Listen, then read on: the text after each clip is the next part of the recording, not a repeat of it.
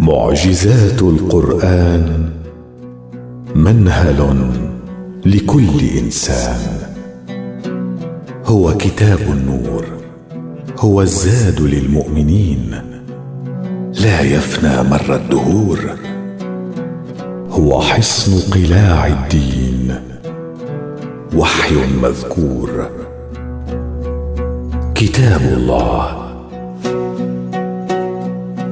به يهتدي كل عقل فهيم ويستنير كل قلب في سكينة الإيمان يقيم. هو القرآن الكريم المعجز بالجملة بالكلمة بالحرف. لم تنقضي ولم تنقضي عجائبه. في بحور درره غاص العارفون. وإلى شواطئ نوره يمم الهائمون. ولما تنتهي الدراسات فيه بعد. بل كلما ظهر فيه معنى عظيم زاد علمنا بمدى جهلنا بأسراره ومغانيه. وفقرنا بدرره ومعانيه. ففي بحور علم القرآن الكريم نغوص في رحلتنا. نغسل الروح بلمحات منه نورانية. ونتعبد الله بتدارس الفرائد القرآنية. رحلة هي زاد للروح. وسبحات في عوالم نور القرآن الكريم. كتاب الله العظيم.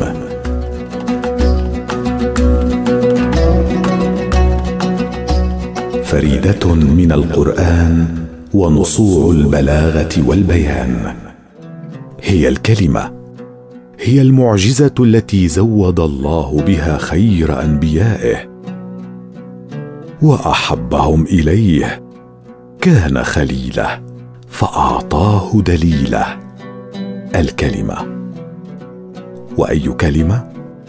إن هي إلا كلمات الله أوحى بها إلى رسوله الكريم محمد صلى الله عليه وآله وصحبه وسلم. فأضاء الدنيا بالكلمة. واستنقذ القلوب من الظلمات إلى النور بالكلمة. وغسل الأرواح في عوالم من عطر الإيمان المبخور بالكلمة. في الكلمة هامت أرواح ونفوس ونذرت قرائح عظيمة. نالت عظمتها ببركة جهادها في حرم خدمة الكلمة التي أنزلها الله تعالى في سماه على عبده محمد رسول الله. فألفت كتب عظيمة تتناول الكلمة وورودها في القرآن الكريم. ومعناها في سياق الآي العظيم وبلاغتها ومرادها في السياق القرآني. وذابت قرائح العلماء تستغيث المعنى من الرسم المصور وتستنجد بالله أن يقدر لها الفهم المقدر. فكيف نزلت الكلمة؟ فيما تكررت ها هنا وفيما ها هنا تفردت. إذ وردت بعض الكلمات في القرآن الكريم متفردة بالظهور مرة واحدة والفريدة في معناها العميق المنقطعة عن القرين أي التي لا مثيل لها ولا وزين ولا شبيه. وليس تفرد هذه الكلمات في القرآن الكريم إلا لغاية عظيمة ومؤدى كريم. وفي هذا البحر من بحور القرآن الكريم نحاول أن نغوص في هذا المقام لنتلمس بعض جوانب الإعجاز في الفريدة القرآنية. قال سبحانه وتعالى في سورة يوسف بسم الله الرحمن الرحيم. وراودته التي هو في بيتها عن نفسه وغلقت الابواب وقالت هيت لك قال معاذ الله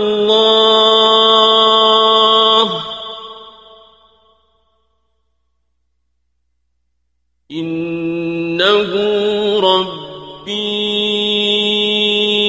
أحسن مثواي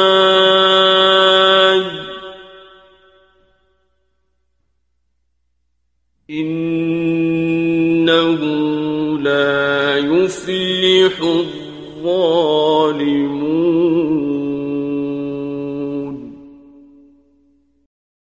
صدق الله العظيم. حصحص الحق أي ظهر وبان وتبلج بانكشاف ما يغمره وثبت واستقر. وقيل هي مأخوذة من الحصة أي تبينت حصة الحق من حصة الباطل. ففيما تفردت هذه المنقطعة عن النظير دونا عن غيرها من الألفاظ التي تحمل هذا المعنى. إن هذه الفريدة تحمل في طياتها المعاني السابقة كلها ولا يوجد لفظة تفي بكل هذه المعاني باختصار وإيجاز كما هي فريدة حصحصة. إن هذه الفريدة استحقها تفرد الحال في قصة يوسف الصديق عموما وفي حال السيدة زليخة التي عادت إلى رشد الإيمان بقوة عظيمة كما لو أنها لم تغادر كنف هذا الإيمان يوما من الأيام. وانظر كنه حروف الكلمة. لم تكن قصة السيدة زليخة مع الصديق يوسف بالقصة السهلة من كل النواحي وفيها دلالات عظيمة لا يكاد ينتهي العقل من التنقيب فيها والدرس والبحث لفهمها والتماس معانيها وإنها لقصة شديدة الوطأة بكل تفاصيلها عظيمة الحمل على أكتاف الأفهام ومناكب الصدور. فانظر إلى الجرس القوي الجزل الذي ينطلق من تكرار حصحصه كيف يعكس هذه الشدة والوطاه وكيف يملأ جهاز النطق لديك على كل مساحته؟ وبثقل وقوة تنبيك عن ثقل وقوة هذه الحكاية. إن هذه الفريدة التي لم يتوقف العلماء عن درسها حتى الآن. لفيها أوفى التعبير وجزيل الفصاحة وعميق الأسرار مما لا يمكن أن تقوم به مفردة أخرى. فسبحان من جعل الكلمات خزائن ودائعه من الأسرار وجعلها شموسا تتحجب بالنور في وضح النهار. معجزات من الصورة في الآية والسورة. لم ينزل القرآن العظيم على رسول الله الكريم محمد صلى الله عليه وآله وصحبه وسلم. إلا وقد هامت عقول العلماء تتدبر معانيه وتستقصي مغانيه وتفيد من ينابيعه وتستغني من بحوره.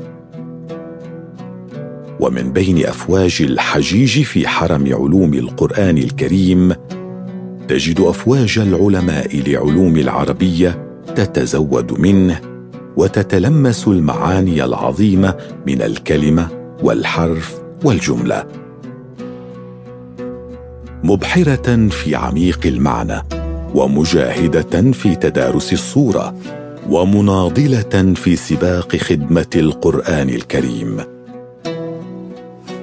فدرسوا الصورة في القرآن الكريم حتى لكأنهم وقفوا أمام علم جديد أذهلهم بسبكه وإبداعه وهيم أفئدتهم وأرواحهم في عوالم عظمته.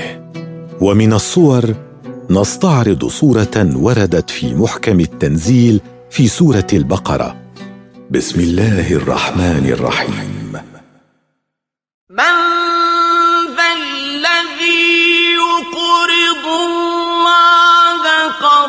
قرضا حسنا فيضاعفه له اضعافا كثيره والله يقبض ويبسط واليه ترجعون صدق الله العظيم. الآية الكريمة بكلمات قليلة تعلو وتجل وتتسع لتحيط بكل رحلة الكون وتلخص مسيرتنا في الحياة منذ بدء الخليقة فيها إلى أن يرث الله الأرض وما عليها. وانظر وتأمل إلى هذا التمثيل. كم يحمل من لطائف الله عز وجل وبأية صورة يدعو الله عباده إليه؟ فهل أحسن منها دعوة وموعظة حسنة؟ وهل أكرم من أن يدعونا الغني عن العالمين بهذا الرفق وبهذه اللطائف؟ سبحانك اللهم وبحمدك. الآية وردت في خواتيم سورة البقرة. زهراء القرآن في إشراقها ونصوعها وفيها سيدة القرآن آية الكرسي. كما ذكر نبينا محمد الصادق الأمين صلوات الله وسلامه عليه. لقد أحاطت هذه الصورة بكل أساليب الخطاب وبكل لطائف التصوير وبكل أدوات العقل المنطقية. إنك في دار تجارة. وكل تجارة كاسدة ما لم تؤمن بضاعتك ومردودها عند من تودع عنده الودائع. لم تخاطب خواتيم سورة البقرة الإنسان بالقرار والتلقين وإنما في أجمل دعوة وأحسن موعظة. يصور لنا حياتنا من منظار العقل بالتجارة. فمن ذا الذي يقرض الله وهو الغني عن العالمين. انظر هذا التلطف في الدعوة قرضا حسنا حتى أنه يذكر قرضا بالتنكير وفي تنكيره تقليل لقيمته أي ولو عملا حسنا لمرضاة الله فيضاعفه له اضعافا. إن هذا لخيرك أيها الإنسان. فالله غني عنك وعن كل خلقه. وهذه دعوة تخاطب العقل لجهة أن أي عاقل يجب أن يفكر من باب المصلحة وفي أدنى درجاتها. أن وماذا لو عقدت هذه الصفقة بعمل خير مما أمر الله؟ ولننتظر المضاعفة. واترك ما تبقى على الله. وهي تخاطب الشعور والعاطفة لجهة أنك تشعر على صغر حجمك وقدرتك وضعفك الشديد وانعدام حيلتك كمخلوق أمام الخالق. أن هذا الخالق لهو اللطيف الرحيم الذي يتحين لك سبل النجاة. فترى أنك تتلهف لهذا الإقراض وما أجمله من إقراض. إنك ترى أنك أمام منصة أو خزينة عظيمة تدعوك للتأمين على نفسك. فهل منا وهو يسمع هذه الدعوة؟ من لا تسوقه كله ليعقد هذه الصفقة الرابحة؟ إلا أن يكون الظلام قد خيم وأطبق على مجامعه والعياذ بالله. فسبحان من جعل الصورة دليلا إليه ومرسلا منه وسرا لديه وسبحان من خاطب بالصورة في الآية والسورة. أفلا تفكرون؟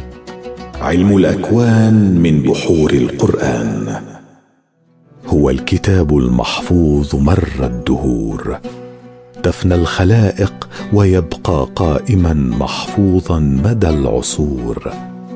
فأي أسرار أودعها الخلاق العظيم في كتابه الكريم حتى تيسر له أن يبقى مشعل هدى ونورا لكل من يسعى سعي المتعطش في الأرض لمعرفة ربه رب الأكوان خالق الأماكن والأزمان مالك الملك الملك الديان.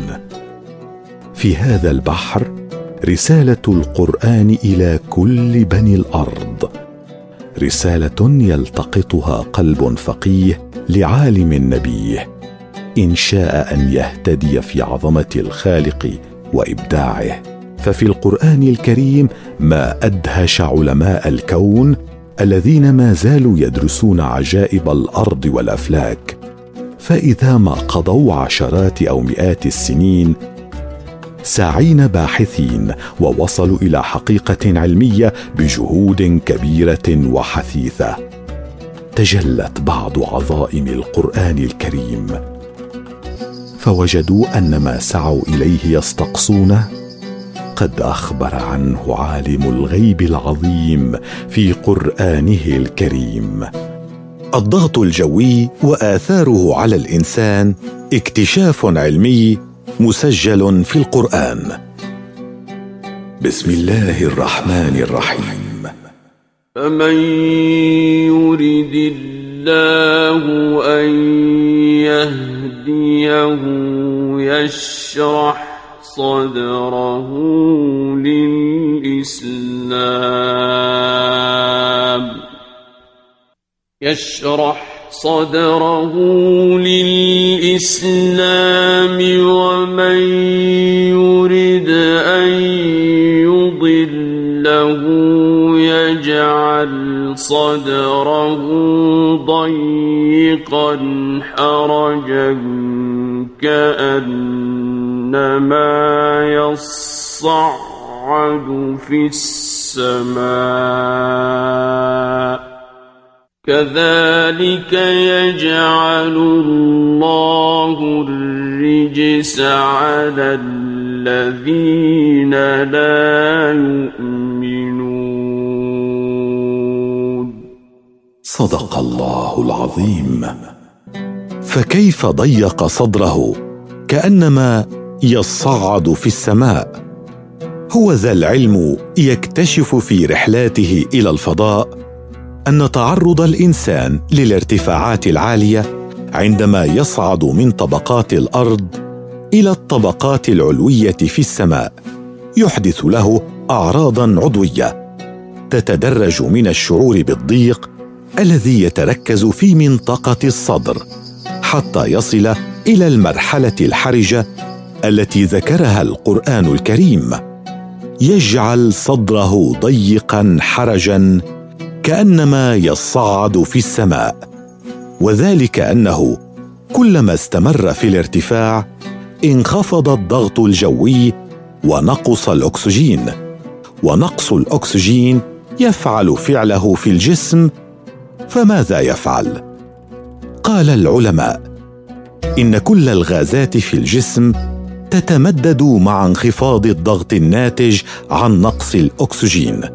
ومع تمددها تتمزق الأنسجة والأجهزة وتتهتك الرئتان والقولون والأذن الوسطى ويصيب الألم الحاد كل أعضاء الجسم.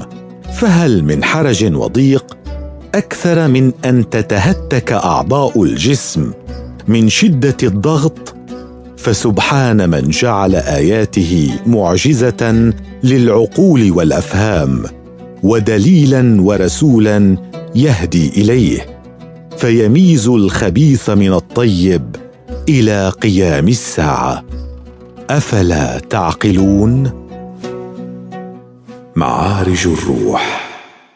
إن الله أنار الكون بالكلمة ومن علينا بالكلمة وأنعم علينا بالكلمة.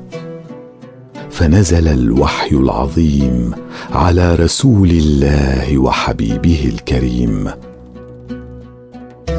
محمد صلى الله عليه وآله وصحبه وسلم. وفي سبحات عوالم الكلمة نتقرب إلى الله ربنا ببعض الأبيات قيلت في عظيم مقام القرآن الكريم. يا ختمة القرآن جئت عظيمة بجهود قوم ثبتوا الأركان. يا ختمة القرآن أهلا مرحبا آن الأوان لتكملي البنيان.